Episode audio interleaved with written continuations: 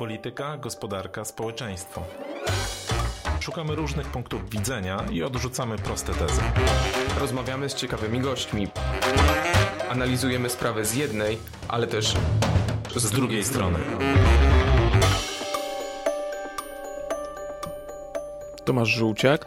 Grzegorz Osiecki, a dzisiaj naszym gościem jest pan Marek Prawda, wykładowca na Uniwersytecie Wiadrina, e, wieloletni dyplomata, były stały przedstawiciel Polski przy Unii Europejskiej i były szef przedstawicielstwa Unii Europejskiej w Polsce. Dzień dobry. Dzień dobry, witam panów, witam państwa.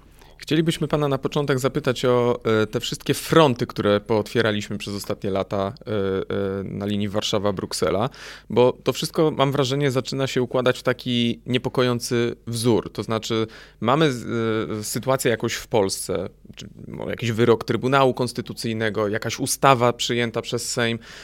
To zostaje odnotowane w Brukseli.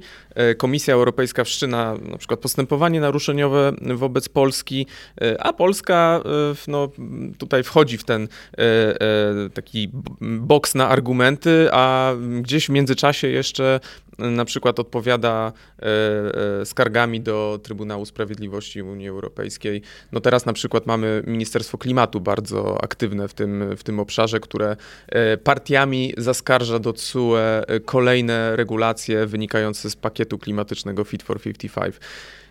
Chciałem pana zapytać, czy nie ma pan wrażenia, że tych frontów już trochę za dużo żeśmy potwierali, że gdzieś już chyba się w tym zaczęliśmy gubić, ale może też Bruksela zaczęła się w tym gubić?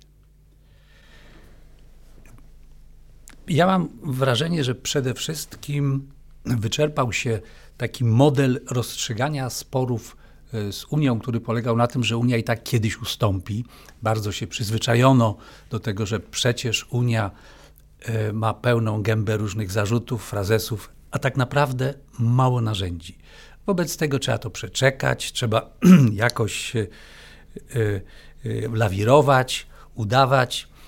I przez wiele lat rzeczywiście tak to funkcjonowało, bo Unia sobie nie wyobrażała, że można działać w złej wierze, że można, że można nie dążyć do, mm, do rozwiązań. Mieliśmy w, w, w relacjach polsko-unijnych wiele takich przykładów, gdzie na przykład Y, Unia redukowała nam mm, te warunki, które trzeba spełnić z 6 do 3. Pamiętam to ze swojej y, mm, przeszłości w Unii, w, w, tutaj w przedstawicielstwie. Y, potem mm, przeinaczano to wszystko, co ustalono, bo nie było dokumentów na to i opowiadano światu, że Unia, jak to Unia ma zły charakter, źle nam życzy, wobec tego nie spełnia mm, tych warunków i tak to szło. I to ale była to, metoda. To, to ja tylko, y, no, zanim przejdziemy dalej, ale to była metoda, która jakby, no, można było powiedzieć, że była skuteczna gdzieś do roku 2020, tak? No, w pierwszej kadencji PiSu ona była skuteczna, bo jak mieliśmy spór o praworządność i artykuł 7, to faktycznie on doszedł do pewnego momentu i zaczął buksować. No ale KPO mamy zablokowane już w tej chwili, znaczy ciężko powiedzieć od kiedy rząd mówił, że lada chwilę otrzymamy KPO, ale to jest ponad rok już spokojnie, kiedy te pieniądze miały do nas przypłynąć. E, no i widać, że Unia te instrumenty ma. No właśnie, to się, to się zmieniło. Już nie ma e, warunków do tamtej, do kontynuowania tamtej metody, czyli łamania e, prawa i liczenia na to, że, że jakoś to będzie. Unia ma nowe narzędzia, ponieważ mechanizm warunkowości dotyczy zarówno KPO, jak i e, w dużej mierze też tego właściwego budżetu siedmioletniego. E, no i tutaj mamy kamienie milowe jako nowe e, kolejne narzędzie mm, przy KPO, no i tak zwane warunki podstawowe przy budżecie siedmioletnim. Czyli ten arsenał, te narzędzia tortur są. I teraz Unia może, e, może tych narzędzi używać, żeby powiedzieć swoim wyborcom we wszystkich krajach unijnych, że świat wartości nie rozszedł się ze światem pieniędzy, bo to jest główny problem. Ci, którzy więcej dają niż biorą, ich wyborcy, chcieli mieć przekonanie, że pieniądze, które się wydaje, i to wydaje się coraz więcej, wydawane są e, rzetelnie, i y, nie ma tam rozmaitych y, y, mm, prób no, wykorzystania tego nie, znaczy w, dla celów niezwiązanych z Unią Europejską. No więc to, to mamy, taką sytuację dzisiaj mamy. Mamy KPO, które czeka. Unia Europejska wyraźnie powiedziała, że wystarczy spełnić ten warunek, który zapowiadano niedawno. Jak wiemy, Trybunał Konstytucyjny w Polsce nie może się zebrać, żeby to, y, mm, żeby, żeby to mm, przyjąć. Wobec tego y, dzisiaj w całej Polsce ja obserwuję na poziomie urzędniczym mniejszą motywację do wypełniania tych y, y, warunków, czy też kamieni milowych, bo one wszystkie były bardzo dokładnie opisane. Na przykład jest taki y, projekt dotyczący G5. No tak. I, i, I to zostało wycofane, ponieważ nie zdążymy tych warunków spełnić, ponieważ żyjemy w świecie, że właściwie nie, nie wiem, czy, czy warto to robić, bo pewnie i tak nie będzie KPO. Czyli chciałbym zwrócić uwagę na pewną niedostrzeganą y, y, y, konsekwencję tej, tej, tego, tego stanu, który mamy. Po prostu urzędnicy nie wiedzą, że to nie jest na darmo, żeby się tym przejmować, żeby to wszystko przygotować. Ale powiedział pan przed chwilą, że żyjemy w świecie, w którym nie będzie KPO. To znaczy, pana zdaniem taki scenariusz jest realny, że po prostu no tym bardziej, że Polska jakby ma swój wsad w KPO, e, jest gwarantem puli pożyczkowej, więc e, jest możliwe, żebyśmy nie dostali pieniędzy? No, w tej chwili na to wygląda. Znaczy, ja sobie nie wyobrażam, że w ogóle kiedykolwiek nie dostaniemy, no bo dopóki Polska jest w Unii, no to będą sposoby na to, żeby te pieniądze dostać. No ale przy takiej przy takiej y, polityce jak w tej chwili, no to mm, wyobrażam sobie taką strategię na przesuwanie tego na czas po wyborach. I wtedy w obu przypadkach no, coś się stanie i będzie można y, te pieniądze uruchomić, bo Unia wyraźnie powiedziała, że jest gotowa i nie ma wygórowanych y, żądań i też wiadomo, co trzeba zrobić. Ale to ja chciałem zapytać, a na ile to, to, co się dzieje między Polską a Brukselą, jest tak naprawdę także efektem jakiegoś procesu, który się dzieje w Brukseli? Bo pamiętamy, że jak była ta dynamika różnych wydarzeń wokół KPO, no to był taki moment, kiedy, e, kiedy była mowa o tym, że potrzebna jest zmiana prawa, likwidacja Izby Dyscyplinarnej. No i prezydent Duda zgłosił ustawę. Ta ustawa po, po różnych perypetiach została uchwalona komisja zaakceptowała nawet KPO, ale potem nadal wstrzymała wypłatę i ze strony polskiej słyszeliśmy, no, że tym razem to komisja nie dotrzymała, e, nie dotrzymała umowy i że no, też takie sugestie, że komisja znalazła się jakoś tam pod naciskiem e, między innymi Parlamentu Europejskiego czy, czy sił politycznych e, europejskich, które powiedziały, no, że nie, że te wypłaty nie powinny nastąpić. No, na ile to jest taki proces, że komisja czasami pewnie poszłaby dalej, ale z drugiej strony Parlament Europejski jest tu dużo bardziej rygorystyczny, jeżeli chodzi o te warunki, których Polska ma dotrzymać i pilnuje, żeby, żeby komisja za bardzo to nie ustąpiła. Moim zdaniem to tutaj najważniejszym czynnikiem jest po prostu społeczeństwo. To znaczy ludzie w Unii Europejskiej. To jest ten prawdziwy nacisk. Y, mówienie, że parlament y, w swojej, y, że, że parlament kombinuje czy utrudnia, jest właściwie mm, takim od, odwracaniem uwagi od nastrojów społecznych w krajach, gdzie są płatnicy netto. Ci płatnicy dzisiaj generalnie są w złym nastroju i oni zaczynają stawiać pytania, co się dzieje z tymi pieniędzmi, które, e, które, mm, które tam zostały wyasygnowane, czy ktoś pilnuje tego, żeby, mm, żeby, żeby, żeby rządy państw, na przykład w naszym regionie, nie Y, kierowały się jakimiś motywacjami, żeby, żeby rozwalić Unię Europejską i tak dalej, i tak dalej. To jest główny y, nacisk i powiedziałbym taki, taka motywacja mm, w Unii Europejskiej. Ja bym się tutaj niekoniecznie doszukiwał jakichś y, spisków w parlamencie czy złej woli pewnych państw członkowskich, bo tak... Nie, nie mówimy o spiskach, po prostu o stanowisku parlamentu, które jest jakby dużo bardziej takie rygorystyczne tej większości parlamentarnej niż Komisji Ale ono pewnie. jest, ono jest takie, jak, czego chcą ludzie, no bo parlament reprezentuje y, y, suwerena europejskiego. Mamy dzisiaj coś w rodzaju europejskiej opinii publicznej. Nie docenia się tego faktu, że ona powstaje, ponieważ Unia przestała się tylko y, zajmować y, mm, ym, takimi regulacjami, przestała być fabryką reguł, a staje się coraz bardziej wspólnotą losu. I to wymusza powstanie opinii publicznej w Unii Europejskiej, i ta opinia y, staje na scenie i, krzyczy. I, I to ma wpływ na działanie i Komisji Europejskiej, i Rady. Przecież oni przyjeżdżają y, z plecakiem tych wszystkich y, y, nastrojów u siebie w kraju, gdzie trzeba utrzymać się przy, przy władzy, gdzie, gdzie tam aż, aż, aż wszystko buzuje, Mm, więc te tematy unijne są oczywiście dla wszystkich piromanów politycznych bardzo atrakcyjne, więc, więc mm, to jest mm, główny, mm, główny motyw. Y, Także mm, no, spór z Brukselą osiągnął y, taki etap, y, gdzie widać już realne koszty dla obywateli.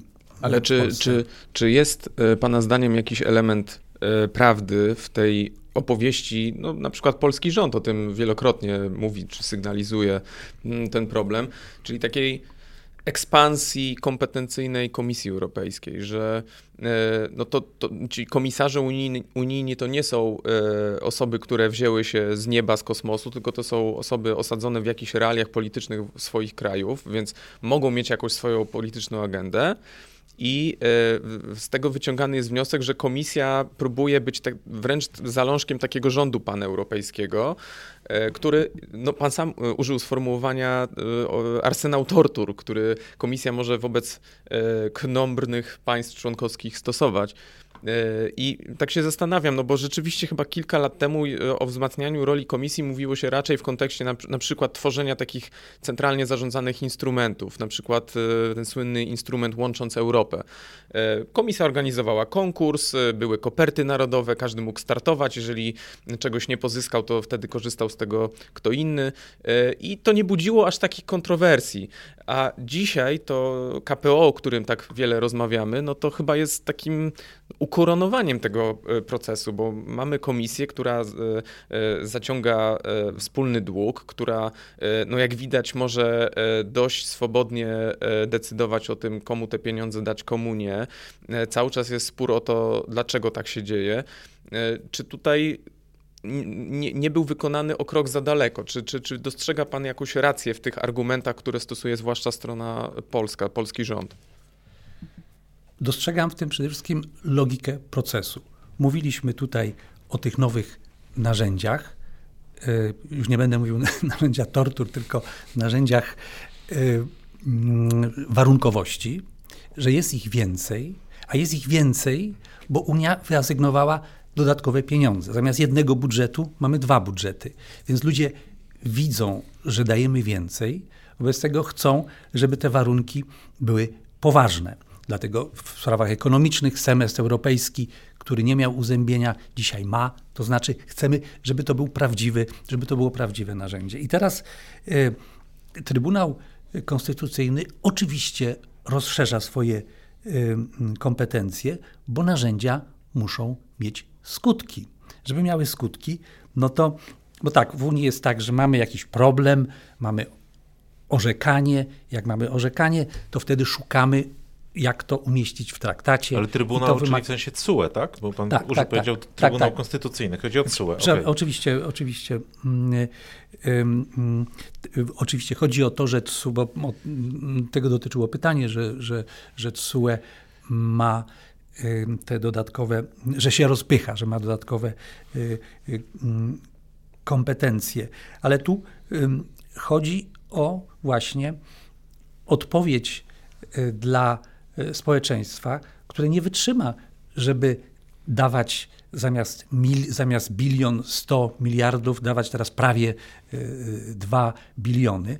Stąd mamy Unię Europejską, która działa w dwóch logikach. Jedna jest międzyrządowa, no bo jeśli chodzi o ten duży budżet, to mamy właściwie te same procesy decyzyjne. Państwa muszą się wszystkie zgodzić i można wetować.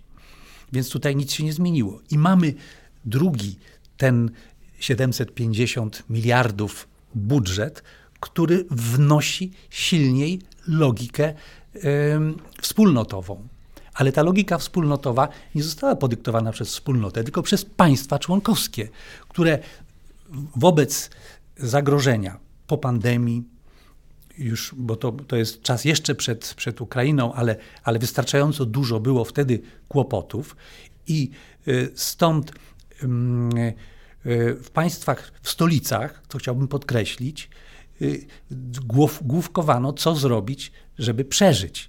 Ponieważ społeczeństwa wolą przeżyć niż nie, wobec tego zdecydowano się na rodzaj uwspólnotowienia długów i wniesienia tej, tego elementu mm, właśnie komisyjnej decyzyjności, to znaczy część pieniędzy wydaje się według te, takich mm, że tak powiem, no w, logice, w logice wspólnotowej, y, mm, która jest y, krokiem w kierunku federalizacji. Ale to jeszcze, to jeszcze są lata świetlne od federalizacji. Na razie mówimy tylko o Unii Ściślejszej Współpracy i o tym, że wynikło to z, no, z, z, z takiej potrzeby, żeby przeżyć. Żeby, że von der Leyen z Macronem, z, z, z Merkel wówczas usiedli z Timmermansem, Vestager i postanowili uciecz postanowili zdecydować się na ucieczkę do przodu, czyli ten drugi budżet. A konsekwencją tego budżetu z elementami wspólnotowymi jest jest nieuchronne wzmocnienie y, TSUE, wzmocnienie Trybunału, co oczywiście łatwo denuncjować jako rozpychanie się unik, kolejna centralizacja. I oczywiście ma to taki skutek, bo, ta, bo ten opór w Europie, który dzisiaj widzimy, jest w jakiejś mierze reakcją na to, że niewybrani urzędnicy rzekomo decydują o losie y, państw i obywateli całej Unii. Do funduszu odbudowy, jak wiemy, cały czas mamy e, zablokowany dostęp, ale e, w PiS, jak rozmawiamy, to mm, są takie rachuby, że właściwie bez względu na to, kto wygra wybory parlamentarne w Polsce, to po wyborach to KPO w końcu napłynie. Mm, czy pan obserwując te procesy, które zachodzą w Unii, e, pan też zakłada taki scenariusz, że no, co by się nie działo, no, muszą w końcu te pieniądze napłynąć?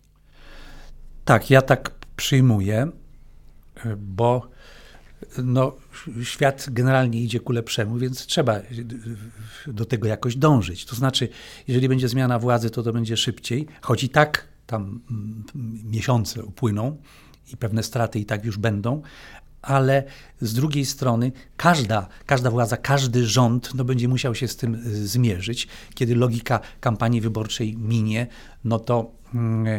Yy, nastąpi jakieś sezonowe e, e, od, odprężenie czy, czy mm, sezonowe wyrazy miłości do Unii Europejskiej, nawet rządu antyeuropejskiego i wówczas e, ta, ta decyzja zostanie podjęta, no bo ja, ja sobie nie wyobrażam, żeby, żeby dobrowolnie pozbywać się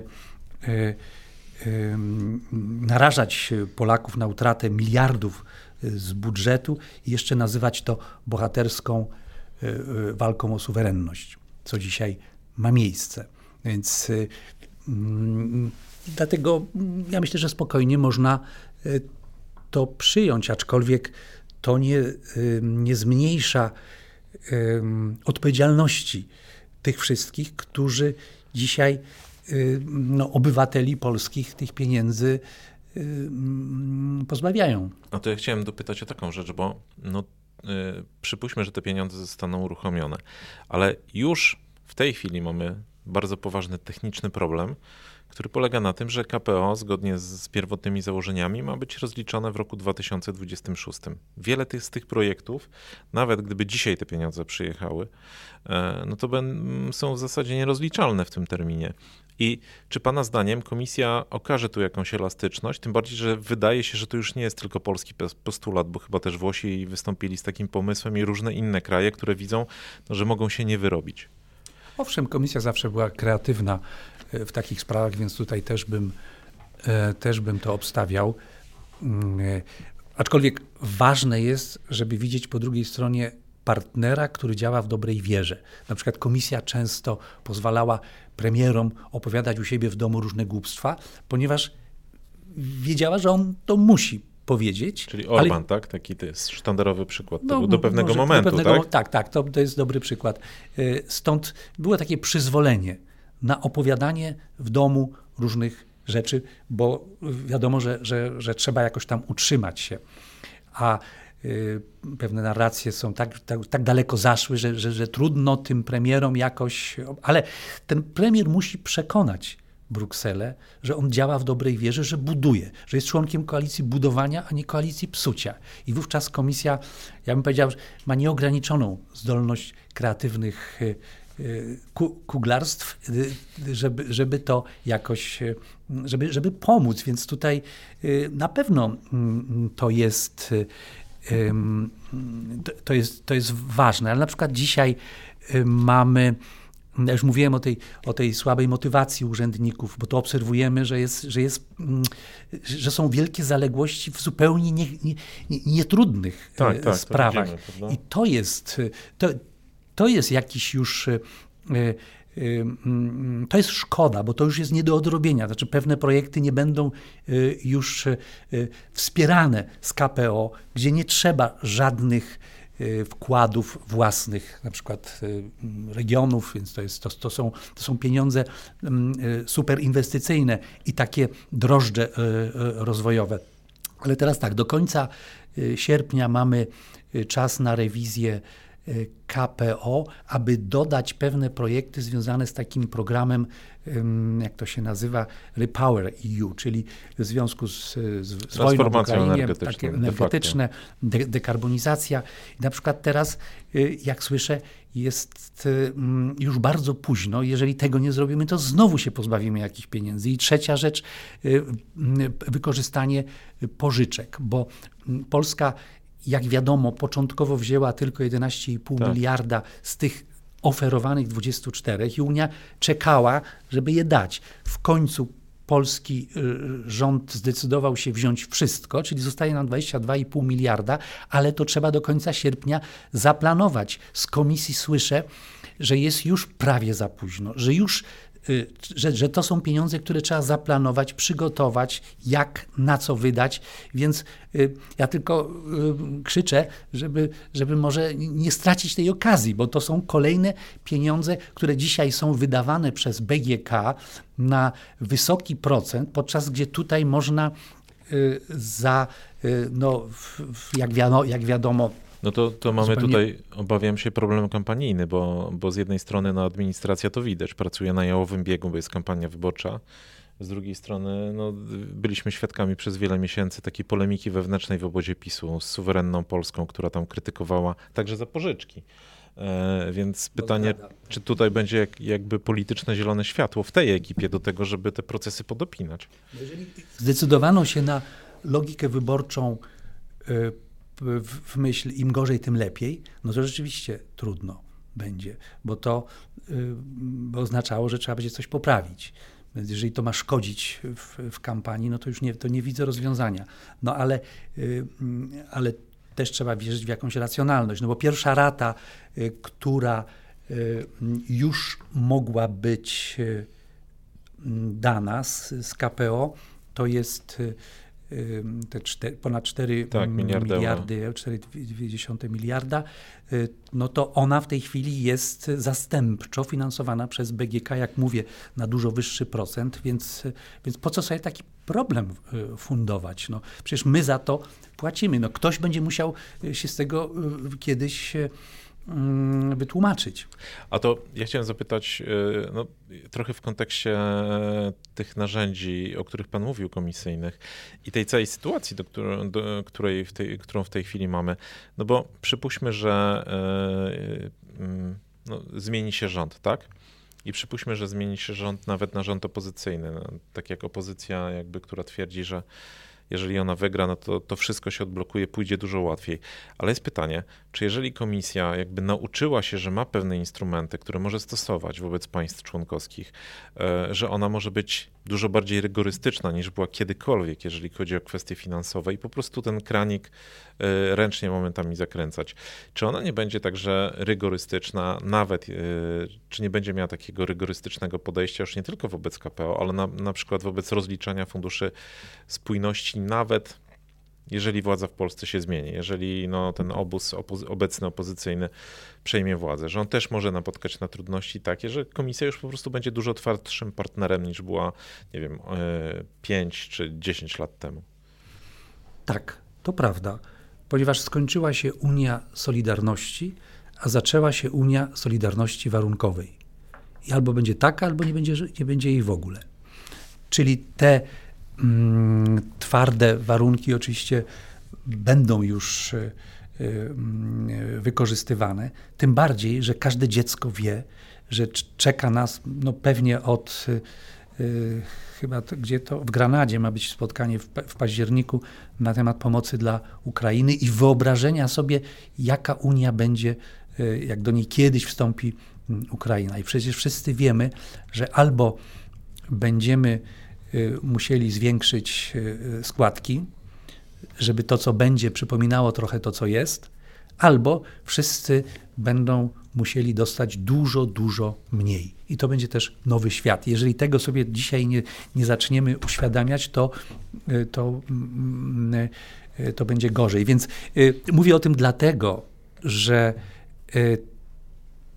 mm, taki zuchwały mm, Y, zuchwała propozycja, żeby płacić więcej, musi być związana y, z, y, no, z pokazaniem ludziom, że mamy prawdziwe narzędzia i że będziemy się pilnowali, żeby nas nie rolowano, tak jak to się dzieje w wielu krajach. Przecież skala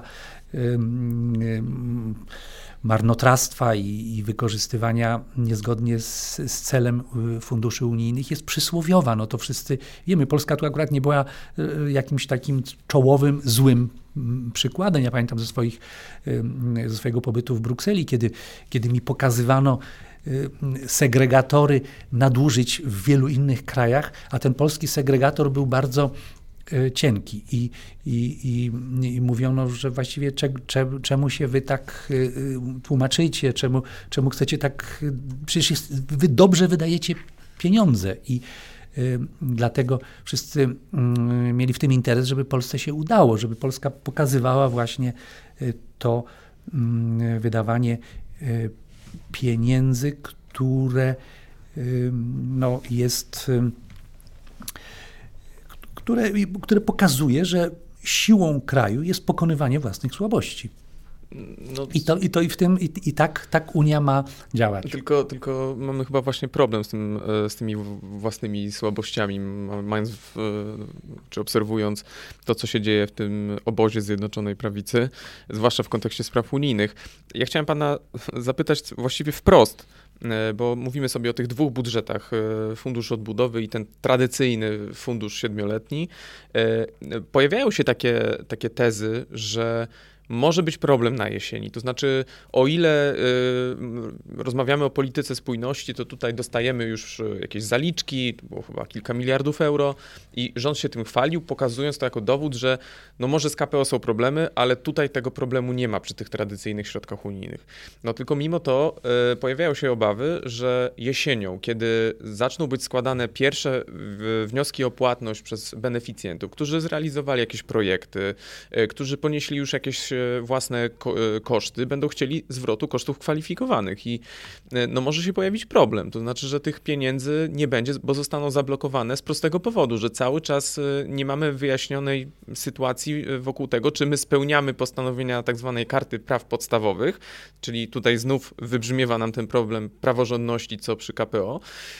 No i może się okazać, że za chwilę znów będziemy mieli kolejny strumień odcięty i pytanie, co w tej sytuacji sytuacji zrobić? Bo rozumiem, że wtedy budżet będzie musiał pokrywać te y, wydatki beneficjentom, żeby to oni nie byli ofiarami tego procesu.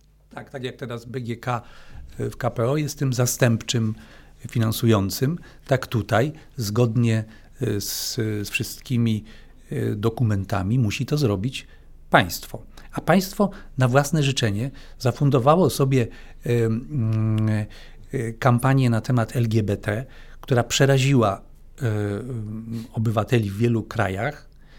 Problem zupełnie niepotrzebny, który zmobilizował Unię do zmiany sposobu akceptowania tego, tego budżetu tradycyjnego również, ponieważ tam mieliśmy raz na 7 lat, czyli na początek tej, na, na, początku tej, tej fazy siedmiu, siedmioletniego wydawania unijnych pieniędzy, mieliśmy taki, ta, takie sprawdzenie, czy mm, y, warunki, czy, czy praworządność jest przestrzegana, czy, czy y, wartości unijne są w danym kraju bezpieczne. I wówczas zwykle to się bardzo szybko odbywało, ustalano, że jest ok i na 7 lat był spokój. Teraz pod wpływem doświadczeń z takimi krajami jak Polska, jak polski rząd, przede wszystkim, y, znów powiem, ze względu na naciski też obywateli, zdecydowano się trochę dokładniej się temu przyjrzeć. Stąd zamiast raz na 7 lat będzie się teraz to oglądało raz na rok. Czyli, każdy, czyli na początku każdego roku będą y, y, procedury sprawdzania, jak to jest właśnie z wartościami, jak to y, jest z praworządnością i w tym elemencie jakby KPO się powiązało z, z funduszem y, y, tradycyjnym. I stąd były te zarzuty, że teraz jakieś nieuprawnione, niepo, jakieś polityczne y, mm, mm, motywacje kierują Unią Europejską, żeby nam zaszkodzić. Otóż nie, to jest też konsekwencja tych kłopotów, o których Unia myślała, że ich nie ma. To znaczy, że, że, że, że województwa które decydują o tym, jak przyznawać pieniądze, że te województwa ogłaszały się województwami wolnymi od. To samorządy głównie niższe, prawda? No, to... No różnie to było, to na początku. Tak, tak, Potem to tak. wycofywano, ale wycofywano pod wpływem wielkiego wrzasku, tak. bo komisja powiedziała na Boga, no jeżeli wy ogłaszacie, że, że, że, że nie lubicie części obywateli, to to jest zwykły problem dyskryminacji ludzi ze względu na ich cechy. A jeżeli wy wydajecie nasze pieniądze, to my w Unii będziemy mieli zaraz na głowie y, wielkie protesty, że to się mm, tak dzieje. Stąd y, mm, to wszystko doprowadziło mm, do y, właśnie wprowadzenia tych, tych, tych bardziej rygorystycznych warunków. Oczywiście bardzo łatwo mówić, że to jest rozpychanie się tego Komisji Europejskiej i, i jej Trybunału, znaczy i Trybunału Sprawiedliwości. Y, natomiast ja powtarzam tu ciągle, że jest to zwykła konsekwencja zmian, które następują, że mamy więcej pieniędzy niż mieliśmy i mamy bardziej wrażliwe społeczeństwa, które chcą wiedzieć, jak te pieniądze będą wydawane. Y, to mm, chcieliśmy zakończyć ten wątek, bo jeszcze chcieliśmy mieć parę minut, żeby porozmawiać w ogóle o jakby wizji Unii, ale na zakończenie tego wątku ja chciałem zapytać o jakby mm, taką, jakie pan widzi możliwości deeskalacji tego sporu? E, jak pan widzi w tej chwili przyszłość Polski w Unii. E, mamy kampanię wyborczą, widzimy różne narracje, jakie się pojawiają od takiej konfederackiej, no, wprost antyunijnej, e, przez nazwijmy to taką narrację PiSu, podkreślenie suwerenności, twardej postawy wobec Brukseli, a jednak jakby podkreślanie, że większość Polaków, tak ostatnio Jarosław Kaczyński mówił, tak, jesteśmy, za, że większość Polaków jest za tym, żeby Polska była w Unii. I widać, że PiS jakby PiSu nie stać na to, żeby stać się partią polexitu, bo przestanie być PiSem wtedy.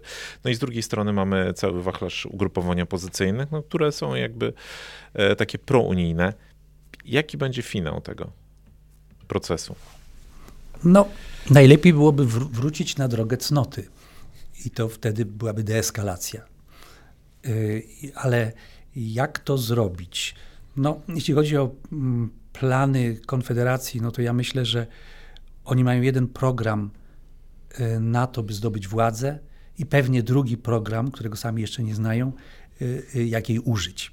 I to jest otwarte, bo już nie, nie takie programy widzieliśmy, które po przejściu do obozu władzy bardzo się zmieniały, ponieważ głównym celem było, było dojście tam, gdzie, gdzie jest. Więc teraz, ponieważ ludzie nie mają czasu, żeby zrozumieć, więc jadą na autopilocie, więc dlatego łatwo przyjmują takie uproszczone mm, programy. Dzięki nim wy, wy, można wygrać wybory albo dostać się do, do, do koalicji rządzącej, a potem no, robi się to, co jest możliwe. Więc y, doświadczenie uczy, że tak y, y, będzie. Natomiast no, rzeczywiście jest problem w tym, że, że mm, partia władzy mm, no, przyzwyczaiła się, jakby uzależniła od tej retoryki antyunijnej. I to jest duży kłopot, bo to, to, to oznacza mm, tak, tak, taką akcesję do koalicji psucia w Unii Europejskiej, a ona bardzo utrudnia um, zdobycie ważnego miejsca i bycia w takim kręgu współdecydowania. I to jest największa szkoda, która, y, która Polsce się um, y, wydarzyła, bo, bo, bo w tej chwili um, byłaby okazja do zdyskontowania tego przesunięcia Unii na wschód, co jest okolicznością y, taką sprzyjającą większej roli mm, naszego kraju, bo państwa zachodnie musiały, musiały zrozumieć, że wielkim wyzwaniem jest y, to wyzwanie ze wschodu i że nie można temu wyzwaniu sprostać bez partnerów wschodnich. A to płynnie w ten sposób przeszliśmy do ostatniego wątku. E, no, gdzieś nam tu sam pan mówił o tym przesunięciu mm, pewnego środka ciężkości Unii na wschód. Mamy perspektywę Ukrainy w Unii Europejskiej. Rozumiem, że ona nie jest taka szybka. Na ile ten proces zostanie sfinalizowany? Mówię o włączeniu Ukrainy i kiedy może być? I na ile to zmieni Unię? I na ile to też wpłynie na nas? No, na razie mm, bardzo ważną zmianą jest to, że mamy na Zachodzie taki przewrót mentalny, bo w wielu krajach y, zachodnich uważano, że, że znamy Ukrainę czy znamy Gruzję, a znaliśmy, znaczy oni znali właściwie tylko opowieść y, rosyjską na temat y, Ukrainy. Więc, więc teraz się ten, ten przewrót odbywa i też takie zrozumienie, że na wschodzie właśnie mamy poszczególne podmioty, które trzeba zrozumieć i których y, mm, opowieść też trzeba w jakimś sensie, y, ekspertyzę przejąć. I to jest, to jest mm, ta wielka zmiana i taka, mm, takie uświadomienie sobie niezbędności wschodu do prowadzenia polityki całej Unii. Jeszcze takiego spóźnionego przepracowania 1989 roku, który, który, który myśmy e, inaczej odebrali jako mm, e, takie, takie nowe założenie Europy właściwie, drugie założenie mm, Unii Europejskiej, e, a w niektórych krajach, jak na przykład w Niemczech, była tendencja do traktowania tego jako bardziej taki, takiego kryzysu na peryferiach, kryzysu nieefektywnego systemu. No i ten, efektyw, ten system teraz trzeba zrobić efektywnym, przyłączyć y, ubogich krewnych i, i, i, już jakoś to będzie. Otóż teraz najpóźniej y, dostrzegliśmy wszyscy, że to nie ma tak, że jakoś to będzie, że trzeba teraz się będzie z tym wschodem inaczej dogadać. Znaczy nie, nie siedzieć i czekać, aż wschód spełni warunki, które my na zachodzie postawiliśmy, tylko mm, tylko tę Unię urządzać y, mm, na nowo. Tak? Na nowo. I to jest największy problem. E, I, I, Zachód potrzebował tego nieszczęścia, żeby to e, zrozumieć. To jest mój, mój, mo, mo, mhm. moja opinia mm, e, na ten temat. Dlatego ta akcesja Ukrainy znaczy więcej niż się wydaje, że znaczy. To znaczy, jest to takim mm, wymuszeniem tej nowej perspektywy i zrozumienia, że rozszerzenie Unii jest warunkiem jej stabilizacji, a nie mm, kolejnym jakimś obciążeniem tylko. A to jeszcze dwa pytania, bo to, to na pewno prowadzi nas do, do, do takiej sytuacji, jak, jaką Unia ma być strukturą, jaką ma mieć pozycję w świecie. No bo jeżeli rozszerzymy Unię o jeszcze jedno duże państwo, no to jakby to, to jeszcze bardziej mogą się skomplikować procesy decyzyjne. Naturalną tendencją byłoby jakby uproszczenie i rodzaj centralizacji, federalizacji, tak, która oczywiście napotka opór, no bo to jest jakby odebranie e, części suwerenności rządom krajowym. Więc jakby tutaj jaka ewolucja nas czeka i też w kontekście no, takiej globalnej rywalizacji, gdzie mamy Chiny, mamy Stany Zjednoczone. Widzieliśmy, że kiedy zaczęła się wojna z Ukrainą, no to pierwsze skrzypce zagrały jednak Stany. Unia się dołączyła, ale bez Ameryki Unia w zasadzie byłaby tutaj, no, Ukrainy mogłoby już nie być.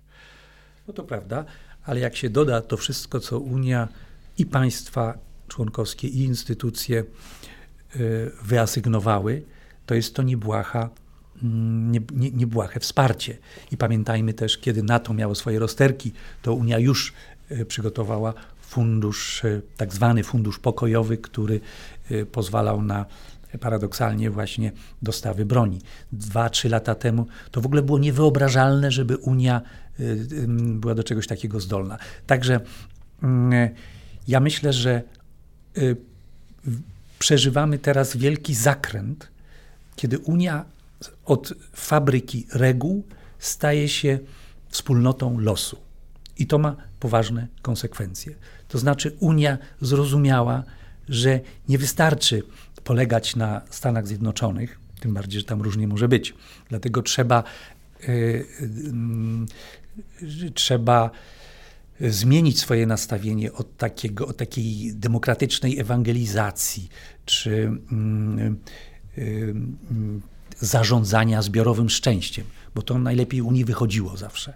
Ale teraz świat zaczął być skomplikowany, o czym Pan wspomniał, i to, żeby sprostać tym wyzwaniom, oznacza, że Unia musi być bardziej efektywna. A żeby być bardziej efektywna, no to musi przemyśleć właśnie procesy decyzyjne, żeby to, co w 27 krajów się udaje, przy krajach 35 czy 34, 35 byłoby możliwe. To, to musi być inna Unia z innymi procesami mm, decyzyjnymi. Ale właśnie dlatego, że Unia uczy się chodzić po świecie, bo do tej pory wystarczało, wystarczały regulacje i jakieś mechanizmy, które ich pilnowały albo udawały, że pilnują. Teraz w świecie, w którym mamy gradobicie, no to trzeba również e, demo, trzeba zrozumieć, że demokracja musi wygrywać, umieć wygrywać wojny. Bo jeżeli nie e, sprostamy jeżeli, jeżeli nie będziemy bronić za wszelką cenę wszystkimi środkami pokoju, demokracji, to będziemy skonfrontowani z innymi, y, którzy, mm, którzy nie mają tych rozterek i się skończy. Wo, wo, wobec tego Unia dojrzała do tych Y, do tych zmian. No ale właśnie, żeby być, Unia musi być bardziej efektywna. Żeby być bardziej efektywna, no to musi być, y, y, musi mieć prawdziwe reguły, bo musi być Unią ściślejszej współpracy, ale jednocześnie Unią, która umie działać geopolitycznie, bo urlop od geopolityki się skończył. I, i, i w, tym, w tym sensie mamy, mm, mamy zupełnie y, y, nowy świat i to jest ogromna szansa dla Polski, ponieważ Polska należy do krajów, które zawsze mówiły, że bezpieczeństwo powinno być także w Unii y, jakimś priorytetem. I Polska mogłaby, jeżeli mogę sobie pozwolić na taką sugestię, Polska mogłaby być też tym krajem, które przyciągnie na przykład Niemcy, które się bardzo dobrze czuły w tej fabryce reguł bo to uwalniało od wielu y, historycznych y, kłopotów, ale dzisiaj Niemcy wiedzą, że, mus, że, że, y, że mm, same muszą, znaczy Niemcy się europeizują, w sensie, że mają te same kłopoty, te same spory i te same nieszczęścia, co wszystkie kraje europejskie. Już, się, już oni też już y, nie mogą kontynuować tego swojego y, modelu, który, im, y, który w świecie, gdzie świeciło słońce, był, był dobry, ale dzisiaj ten świat jest inny. I akurat Polska w momencie, kiedy, kiedy Niemcy aż czekają, żeby im ktoś pomógł w odzyskaniu wiarygodności, to Polska zdecydowała się na nagonkę, na udział w nagonce takiej i, zbieraniu bardzo łatwych punktów na osłabionym y, y, partnerze. Tylko nie wiem, co y, mielibyśmy dać w zamian tej Europie, bo budowanie Europy bez Niemiec czy Francji to jest tak jak budowanie NATO bez Stanów Zjednoczonych. To tak już absolutnie na koniec. Ja wiem, że mamy turbulentne czasy i ciężko jest przewidywać coś, co może nastąpić za rok, za dwa lata, ale no może jednak spróbujmy sobie powiedzieć, czym Unia e, będzie no, może nawet nie za dekadę, ale powiedzmy po zakończeniu tej aktualnej perspektywy finansowej, czyli w 2027 roku. W jakiej Unii my się wtedy obudzimy? No, myślę, że to, to będzie Unia, która nauczyła się chodzić po świecie, Unia, która będzie mocarstwem wśród mocarstw, przeprosi się z takim mm, pojęciem, którego nie lubiła i którego nie używała, ale żeby nie być ciągle spychanym na margines przez, przez y, tych autokratów bez skrupułów i bez rozterek, no to trzeba y, y, wypracować własne zdolności obrony demokracji, również zdolności wojskowe, nie będąc nawet sojuszem obronnym, będzie musiała bardziej zadbać o swoje y, mm, bezpieczeństwo. To będzie y, Unia, ja bym obstawiał, która będzie ciągle łączyć takie elementy państw członkowskich, znaczy logiki działania w, y, państw członkowskich, bo Unia będzie albo trochę tym i trochę tym, albo nie będzie jej wcale, czyli i państwa członkowskie, i y, wspólnota. Ale już dzisiaj, y, skoro mówiliśmy na przykład dzisiaj y, o, znaczy przed chwilą mówiliśmy o tym funduszu mm, odbudowy i o tej logice zaciągania długów, które się spłaca za 30 lat. To przecież każdy wie, że liczymy na to, że nie będziemy tego w ogóle spłacać. I teraz Ukrainie, mm, Ukrainie wy, dla Ukrainy wypracowano podobny mm, mechanizm, y, który y, ma być spłacany w ciągu też 25 lat, chyba, z, tej, z tą samą nadzieją. Więc to znaczy, że nie unikniemy posuwania się krok po kroku w kierunku wspólnotowości, żeby, y, żeby móc rozwiązywać nasze problemy. Przecież w, przy pandemii to wołanie o pomoc nagle więcej ważyło niż to tradycyjne ujadanie, że Unia się miesza, że, że, ma za dużo kompetencji. Kiedy ludzie wołali, żeby przeżyć, żeby coś zrobić, żeby, żeby powstała Unia y, y, zdrowotna. I co dzisiaj robimy w KPO? No w KPO mamy na przykład takie y, y zachęty dla państw członkowskich, żeby pieniądze, które mają, wydawali na to, żeby ludzie chorzy na nowotwory mieli naj, najbardziej aktualne, dostępne na całym świecie e, leczenie, a nie za 25 lat po Stanach Zjednoczonych. I teraz ta podła Unia, która nam, która rządzi, no ona tylko chce, żeby obywatele Unii mieli dostęp do najlepszych leków, bo, za, bo, bo wtedy tylko przeżyją. I y, to jest jeden z przykładów, jak działa KPO i jak działa logika wspólnotowa. Bo jeżeli państwa są troszkę biedniejsze, no to się im pomoże, żeby spełniły ten warunek. No ale oczywiście łatwiej jest y, y, mówić, że y, to jest napadanie na naszą suwerenność. Dziękujemy bardzo. W takim razie rozmowa była długa, ale było warto. Naszym gościem był pan Marek Prawda, wykładowca na Uniwersytecie Wiadrina, dyplomata, były przedstawiciel Polski przy Unii Europejskiej i były szef przedstawicielstwa Unii Europejskiej w Polsce. Dziękujemy bardzo.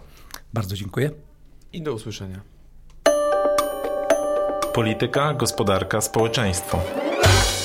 Szukamy różnych punktów widzenia i odrzucamy proste tezy. Rozmawiamy z ciekawymi gośćmi. Analizujemy sprawę z jednej, ale też z drugiej strony.